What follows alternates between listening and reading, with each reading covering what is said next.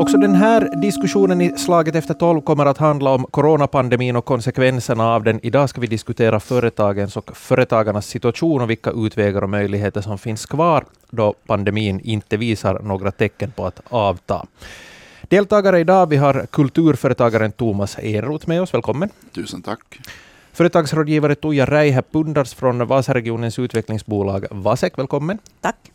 Och eh, riksdagsledamot Joakim Strand, SFP. Välkommen. Tack, tack. Mitt namn är Filip Sten. Ja, coronapandemin den har ju påverkat så gott som alla samhällssektorer, och med det också de, de flesta företagen. Tuija Räihä Pundars, hur viktiga är de här coronastöden för företagen? De har nog varit jätteviktiga för företag och i synnerhet för småföretagare och de här ensamföretagarna under den här pandemitiden. Um, problemet ligger kanske i det att många som skulle egentligen ha behövt det har inte haft möjlighet att få det på grund av olika orsaker. Men vi har trots att man kanske funderar att man inte får det, så har vi sagt att man ska söka dem i alla fall. För att ha en möjlighet att, att få lite hjälp i den situationen som företagen är inför idag. Mm. Thomas Enroth, hur viktiga har de här stöden varit för dig? Ja, de har nog varit viktiga för att jag har, jag har ju inte något negativt att säga om jag tänker för min del med det här. Att jag tycker att jag har fått, fått det stöd som jag önskar mig. Men kanske mera det här att hur vi ska gå vidare just nu från det här. Att jag, varje tänkande människa inser ju att vi kan inte fortsätta bara att leva på stöd. Att ha, ha igång en verksamhet. Och, och det här med kultur och, och stöd så, så är ju väldigt viktigt varje och med att vi i princip har haft näringsförbud kan man ju säga. Att, att göra saker och ting. Och, Eh, det som jag är idag väldigt besviken på är ju användningen av coronapasset, att inte man har kunnat på något sätt eh, använda det ännu mer. Jag har gjort 38 konserter sedan första i elfte. Och eh, till exempel här i Österbotten så är det ju i Nyland till exempel förra veckan då vi spelade så var det enbart positivt feedback då vi använde coronapass. Men som regelboken säger så man kan ju inte bara använda det här, kräva coronapass heller om inte finns Eh, regler som säger att det krävs att man ska använda det. Och, och jag är varken för eller emot coronapasset vill jag uttryckligen säga här. Men i den här situationen vi befinner oss nu så tror jag att det är det som kanske kan rädda kulturens sida, att man kan börja använda de här coronapassen i ännu större utgrad. Ja, vi ska, vi ska återkomma till ja. coronapassen lite senare i den här sändningen. Joakim Strand, i ditt arbete i riksdagen i ekonomiutskottet så har ni behandlat ganska många gånger de här frågorna om coronastöd? Ja, det känns ibland som att vi inte har gjort hemskt mycket annat sedan våren 2020 och igår då jag lite tänkte tillbaka på den här tiden när jag fick inbjudan hit så människan är ju en sån varelse att man vänjer sig med, med det allra mesta och, och jag tror vi har egentligen glömt hur speciell den var den här våren 2020 när vi började jobba med de här coronastöden. Att, um, när man såg på nyhetssändningarna så såg vi ambulansrallyn i Italien och Spanien, överfulla sjukhus folk som mer eller mindre låg på gatorna. Nyland stängdes ner, vi gick in för undantagstillstånd första gången sedan krigstiden. Eh, när man själv plötsligt tvingades köra till Helsingfors om morgnarna och, och visa specialidé åt, åt poliser och beväringar där vid gränsen bakom bommarna. Det var i den verkligheten vi började behandla de här coronastöden. En enorm osäkerhet och, och rädsla och oro både för, för människors hälsa och landets ekonomi och, och därför är det väl helt förståeligt när man nu i efterhand läser också statens revisions, revisionsverksrapporter att, att de här första stödomgångarna kanske inte till alla delar var lyckade men att där har vi ju bättrat på under vägens gång och också mycket tack vare den lokala feedback vi har fått från, från Vasek och många andra som jobbar med de här bolagen så skulle jag säga att vi i dagsläget har det ganska bra ställt och nu gäller det att precis som här tidigare sades fundera på hur härifrån framåt. Mm. Tuija Pundars, vad handlar det om för storlek på de här stöden, så det generellt? No, de varierar ju från, minimi har ju varit 2000 euro nu, av de här coronastöden som nu har gått från 1 till 5. Alltså det är femte stödet som nu är på gång. Sen fanns det ju det här eh, uh, ensamföretagarstödet då i fjol på våren som, som också eh, var i den klassen. Sen har det ju gått upp till här var jag nog så som hastigast, de här som har fått det här senaste stödet, så där pratar vi om största stödet fick var väl på 140 000. ungefär. Som berör då ett större företag. De, de här finns ju på valtiokontori.fis sida, alla de här stöden. Men att för ett litet företag så att få ett stöd på en, på en 4-5 tusen euro så har kunnat vara ett avvikande för att de ska kunna betala till, till exempel hyror och, och andra fasta kostnader. Mm. Joakim Strand, hurdan, hurdan kostnad för, för staterna där? Vad, vad handlar det om den totala summan för de här omgångarna hittills? No, de siffror som fanns här nu i, i oktober så pratar man om en total utgift på vad det kring 2,4 miljarder. Och när man lite ser hur det fördelas så, så till exempel Business Finland, de här utvecklingsstöden som man ju då gick ut med i början när vi inte hade äh, lämpliga verktyg. Så där har det gått ungefär en miljard, det har gått kring 700 miljoner för de här kostnadsstöden, cirka 300 via LU och så finns det då special typ av stöd för, för stängning och, och annat. Äh, problemet där i början var ju kanske just det att, att när man stängde ner samhället, många bolag drabbades av en akut kassakris, så fanns det egentligen enda verktyget som fanns var den typ av utvecklingsstöd som då i praktiken är ämnat för helt andra situationer och också tjänstemän som aldrig har varit vana att, att tackla den, sådana situationer som uppkom så, så hamnade också i ganska oskäliga situationer. Du hade allt från du skulle bedöma utvecklingspotentialen för eh, sån här eh, äh, huutokauppakeisarin och eh, konsulter och sådana som tillverkar terrängbilar på liksom samma bräde Och, och det är helt förståeligt att det inte alltid gick som på Strömsö men att och igen ur den där enskilda företagarens synvinkel så kanske det inte just då heller var så viktigt vilken väg det kom pengar om det då kom någonting att klara de här akuta räkningarna som här var inne på. Mm. No, det där var två år sedan. Hur, hur har de här processerna utvecklats under åren?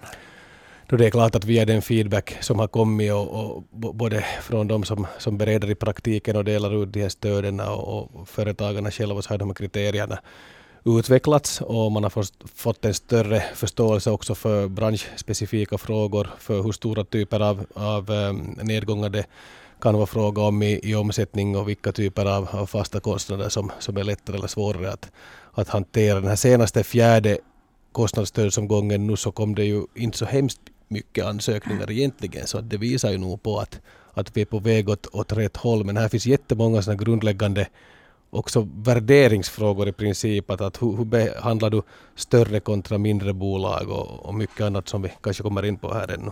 Mm. Thomas Enroth, du sa, här, du sa här inledningsvis att du är nöjd med de stöd som du har, du har fått. Alltså, jag, då pandemin kom på det sättet så beslöt jag mig att istället för att bli bitter och, och skylla allting ifrån mig och tycka att alla andra ska ta ett ansvar så tänkte jag att jag måste göra någonting försöka göra någonting av den här situationen som kommer nu. Då hittar man ju ofta olika lösningar. Och jag har ju ansökt om de här kostnadsstöden och jag har fått två eller tre gånger. Jag har fått, inte så stor summa på det sättet, men jag har fått så jag kunnat hålla mig flytande. Och, och jag anser ju faktiskt fortfarande att, att jag tror inte att det är det som kulturarbetarna idag heller ropar mest efter, att vi ska få en massa stöd, utan det mesta det, det vi ropar efter det är väl att vi ska få hålla igång vår verksamhet. Eh, och den är ju hotad hela tiden, varje dag. Den är hotad nu också mer än någonsin. Alltså, innan jul kanske vi får stänga ner igen, alltså om inte det här får någon ändring. Och, och, och kultur är ju det första nästan man stänger ner. Och eh, där tycker jag ju att jag pratar ju istället mera för att man kanske skulle hitta en en linje på något sätt att det har ju inte funnits något intresse. Det här har ju inte med regering och på det, men myndigheterna överlag har inte haft något intresse under hela pandemin att ta reda på hur ett kulturevenemang egentligen fungerar. Det är stor skillnad om du sitter i en om du går till en kyrka med 800 personer och du kan sitta 300 personer med flera meter emellan varandra eller om du dansar på en nattklubb. Eh, och det här har ju på något sätt hela tiden varit någonting som inte man har riktigt velat prata om. Man har dragit allt under samma linje. Nu är det 50 personer som ska träffas. Nu är det 100. Och så kom coronaintyget som vi trodde att skulle kunna bli ett, ett sätt att man en enhetlig linje som man ska kunna använda lite, lite då man ska göra större evenemang och sånt. Men det här har vi också stött på enorma problem med. Eh, dels på grund av att, att, som till exempel här i Vasanejden nu till exempel, att vi, nu kanske den här veckan så kommer regionsförvaltningen här att införa att, att man kan börja ta de här coronaintygen trots att man inte säljer sprit och vin efter klockan fem. För så har jag till exempel en konsert i Showmansalen här och inte eh, har alkoholförsäljning så kan jag ju inte heller kräva, då det inte finns restriktioner som säger det, att jag ska börja att folk ska visa upp coronaintyg.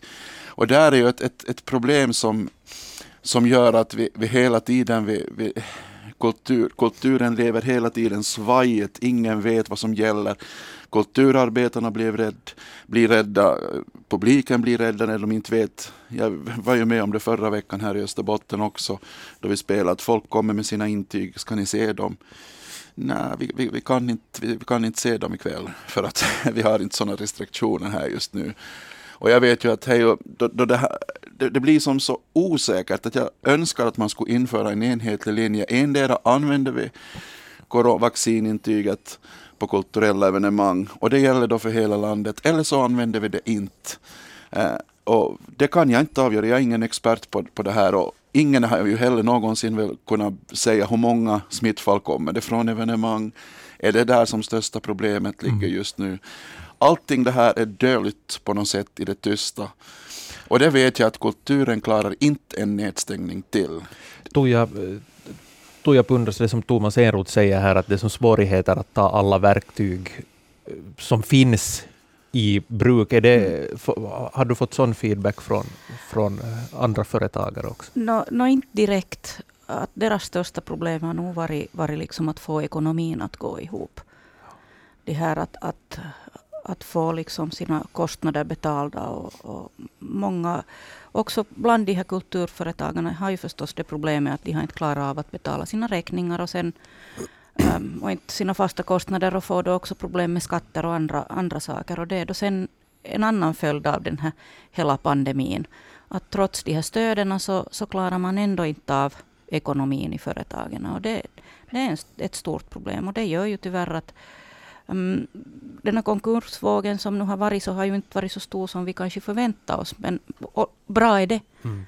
Men att jag misstänker att vi har inte sett slutet på det här ännu. Inte, att det, det kommer tror, att bli stora problem. Jag tror du har helt rätt här att, att den konkursvåg vi, vi förväntar oss så har ju helt egentligen uteblivit. Vi är, vi är till och med lite chockade över hur, hur liten ja. den har varit. Men där finns det förstås också andra regler som har, har på sätt och vis skjutit på de här utmaningarna. Och, och man har förstås kunnat, kunnat förhandla med sina banker och, och vi har haft vissa lagstiftningsåtgärder som har gjort att man inte på samma sätt kan, kan söka i konkurs. Men, men att det kan hända att vi har det framför oss bra ännu och därför är ju den här frågan just hemskt viktig nu att, att hur går man vidare här? För att jag tror själv att man har gjort, gjort helt rätt i att man staten kraftigt gick in och, och stödde upp både bolag och man stödde ju också upp kommuner med, med miljarder och, och miljarder så att, att liksom samhället snurrar. Att, att näringsverksamheten så mycket som möjligt hålls på benen för utan näringsverksamhet och sysselsättning har vi inga skatteintäkter och utan skatteintäkter har vi ingen vård, service och utbildning och, och kan inte ta hand om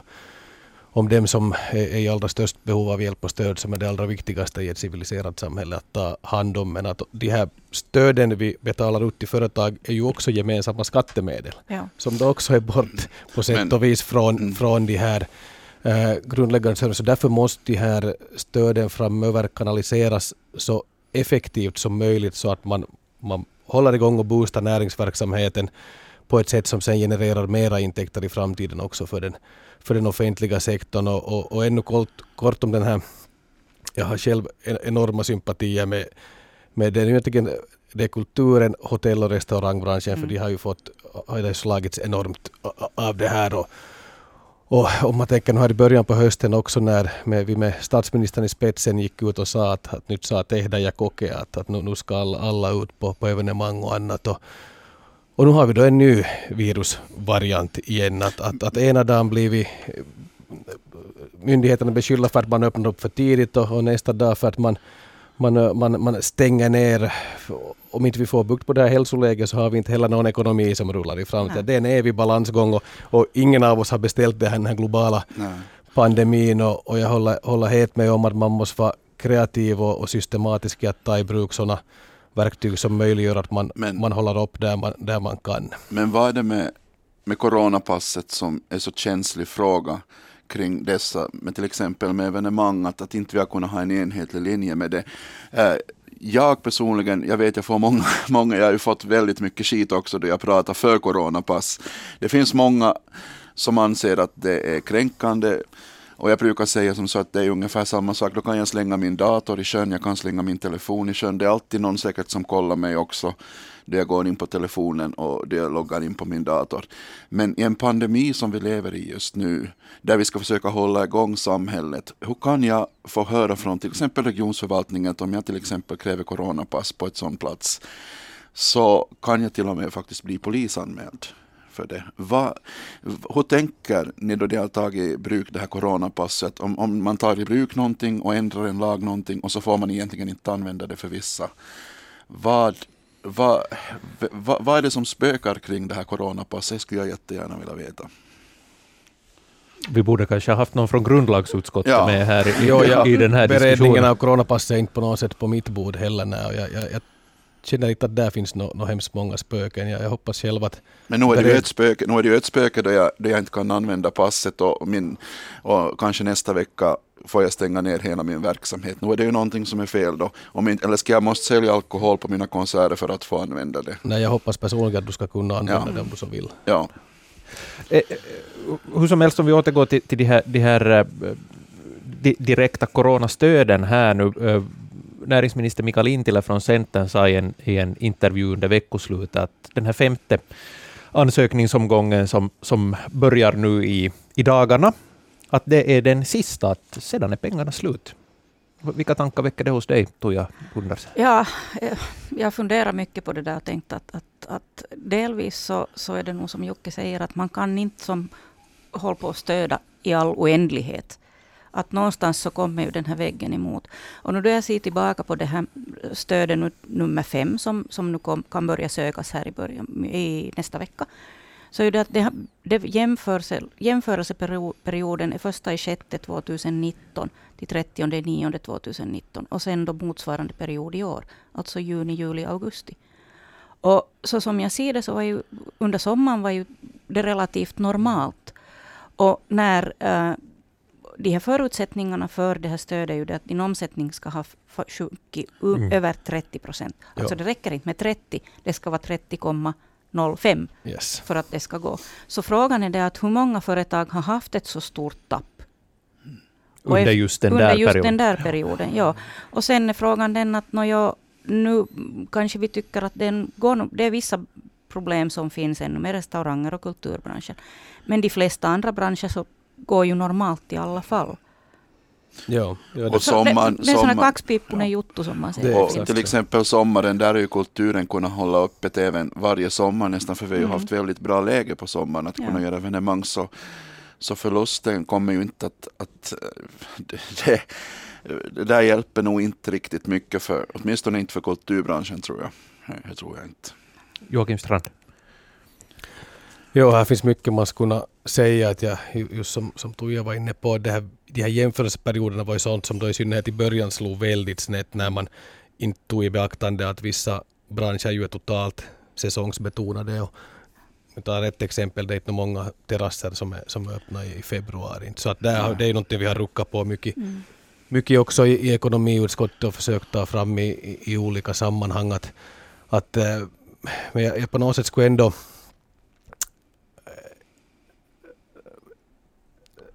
Vissa anser kanske att också social och hälsovårdsmyndigheterna har haft ett lite för starkt grepp om många av de här sakerna. Och, och ibland har vi också känt i ekonomiutskottet att även om vi tar fram de här näringslivspolitiska aspekterna, sysselsättningspolitiska aspekterna, också det som gäller kulturbranschen. Och där har vi ju själv betonat att, också det här coronapasset ska ju vara ett sätt att kunna hålla upp samhället, inte ett Ja. verktyg för att stänga ner samhället, utan det är ett sätt att då det finns restriktioner kunna, kunna, kunna frångå det. Men, men jag tror inte det finns en enda magisk grej här, utan det är nog en räcka av många, många åtgärder och jag skulle själv hoppas man skulle ha ännu effektivare och billigare snabbtester med vilka du kan bevisa och, att du inte bär på smitta, för nu vet vi också att du kan bära på smitta med trots att du är dubbelvaccinerad. Med stor sannolikhet blir du inte allvarligt sjuk, men att de här frågorna kommer vi att få leva hemskt länge med och, och därför tror jag den här diskussionen är faktiskt är väldigt viktig. Och en sak också till exempel att den första i tolfte detta år så tog ni ju bort det här stödet då som en ensam liten företagare eller företagare överlag kan söka om arbetslöshetsunderstöd till exempel. Och, och nu pratar jag inte för min egen del utan jag pratar för musikerna som jag jobbar med mycket. Jag vet många har haft stor hjälp av det här. Och här måste vara en signal på att inte är planer på att stänga ner samhället igen. Då man tar bort en sån möjlighet. För att jag menar, vad ska, ska, ska då alla de här ensamma företagarna då i princip inom kulturbranschen lägga ner sin, sin verksamhet som nästa, eller vad ska de göra om inte de får vara igång och göra någonting? Jag tror det kan vara bra, bra att här komma ihåg att, att den här globala pandemin är ju ingenting som någon har beställt. Och det finns ingen i Helsingfors inom någon myndighet som sitter och har några egna planer på att stänga ner samhället, utan det är ju helt upp till hur det här hälsoläge Absolut, utvecklar sig och, och ju mindre vi, smitta vi har i samhället så desto större möjlighet har vi att återgå ja, till men också det, en... Men min fråga varför man alltså tog jag bort... debatterar inte, inte nu mot dig den här saken, Nej. utan jag säger på ett allmänt plan att ja, i den här globala pandemin mm. så har Finland klarat både ekonomin och hälsoläge.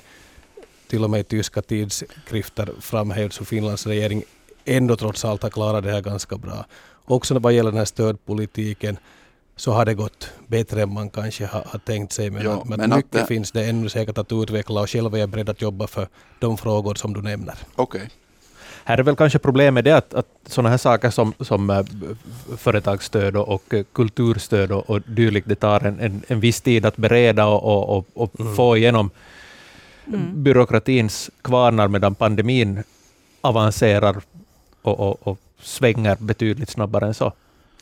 Och här är ju nog också något som, mm. tror jag, som vi inom kulturbranschen också, inom alla branscher tror jag får tänka på idag, att vi har ju alli, allihopa tänker ju ofta på sin egen rättighet. Det här är min rättighet.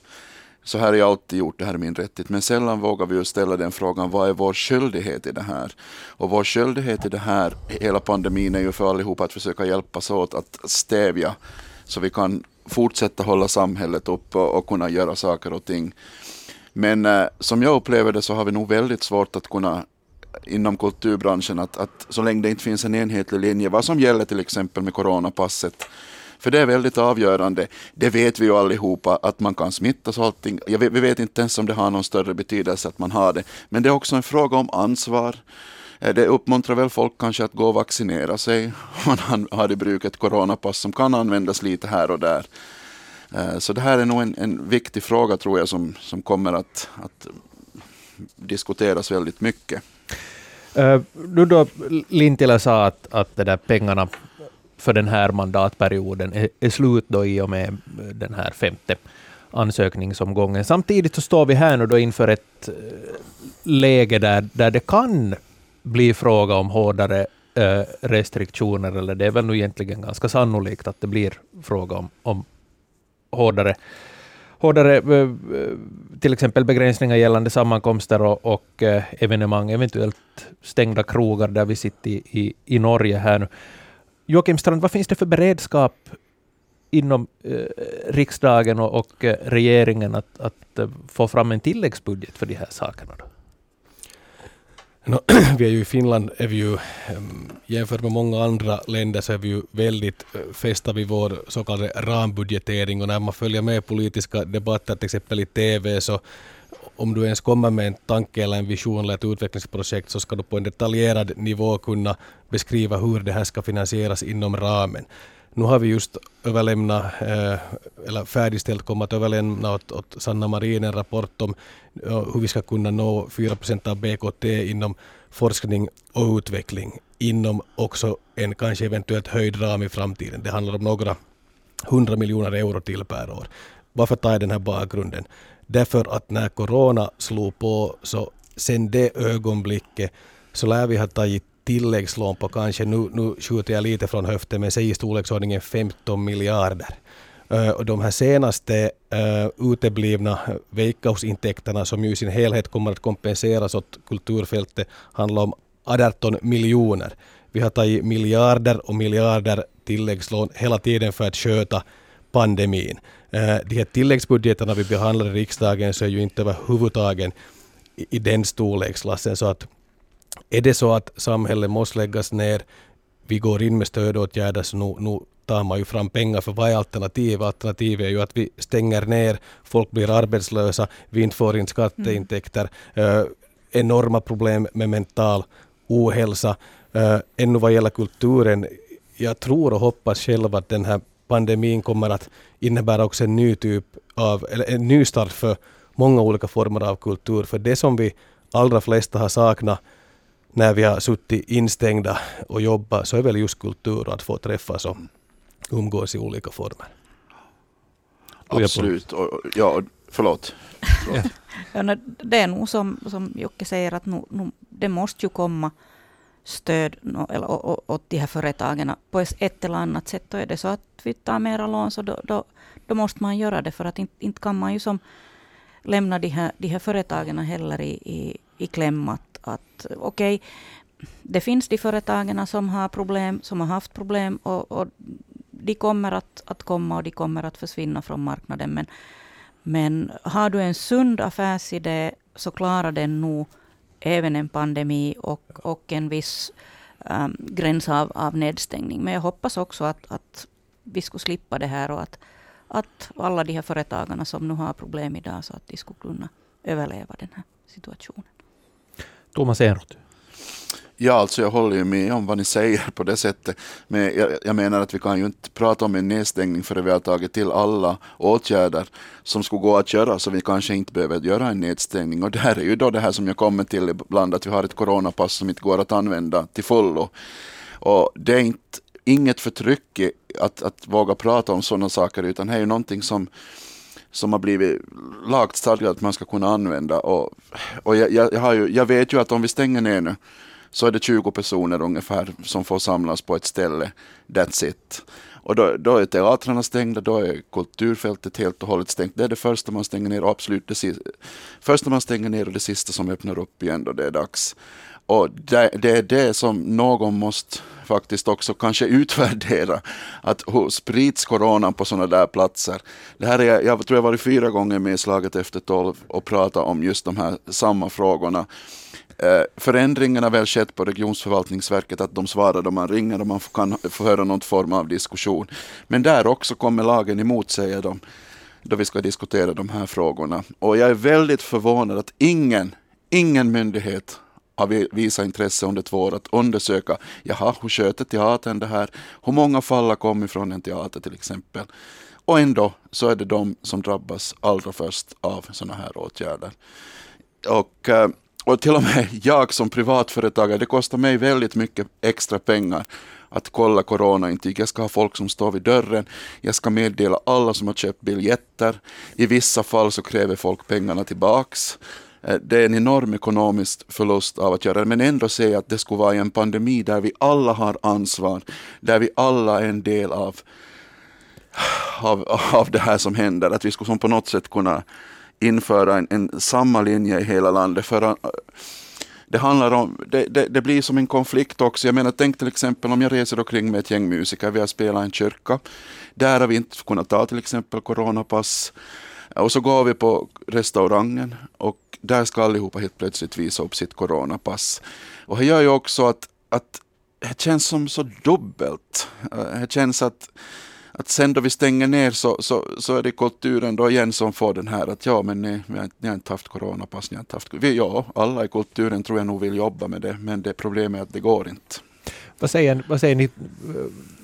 Delar ni Thomas Enroths åsikt här att, att coronapasset liksom skulle vara lösningen på väldigt många problem här?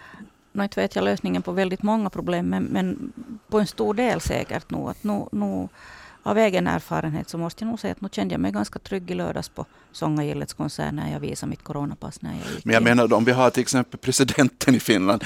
Han ville inte heller, eller de tog inte coronapass på balen. Tror myndigheterna inte på coronapass? Tror, tror ni inte att, att man är vaccinerad att det hjälper att visa upp det här passet? Någonting är ju konstigt när man inte när man på något sätt talar för någonting som man inte står riktigt bakom heller. Att det, det här gör mig fruktansvärt irriterad och, och mm. frustrerad. Ja, jag tror Thomas att vi, vi kommer vidare på just den här frågan i, i den här diskussionen. Uh, Vi borde haft någon beredande myndighet här som har hänvisat. Precis. Det där, eh, hur som helst, med, under den här pandemin så, så har ju perspektivet hela tiden varit att, att no, om några månader så ska det här vara över. Då ska det Mm. vara liksom eh, över, helt enkelt. Först trodde man ju att pandemin bara räcker då några månader på, på, på våren 2020 och sedan har det varit tal om, om att bara alla, har, bara alla har fått vaccin och bara alla har fått två doser vaccin så då ska det vara... Men nu ser vi ju att det här viruset är nog smartare än vad, än vad vi är. Eh, det här tar ju tydligen inte slut riktigt inom någon, någon nära framtid. Är fortsatta företagsstöd till exempel, är det en framkomlig väg här? Eller börjar man snart vara tvungen att, att liksom riktigt tänka helt utanför boxen, Joakim Strand? Ja, en bra tusen dollars fråga. De här senaste stödomgångarna har ju visat två saker. Dels att de här stöden har blivit bättre och bättre rätt riktade och dels att behovet av dem har minskat.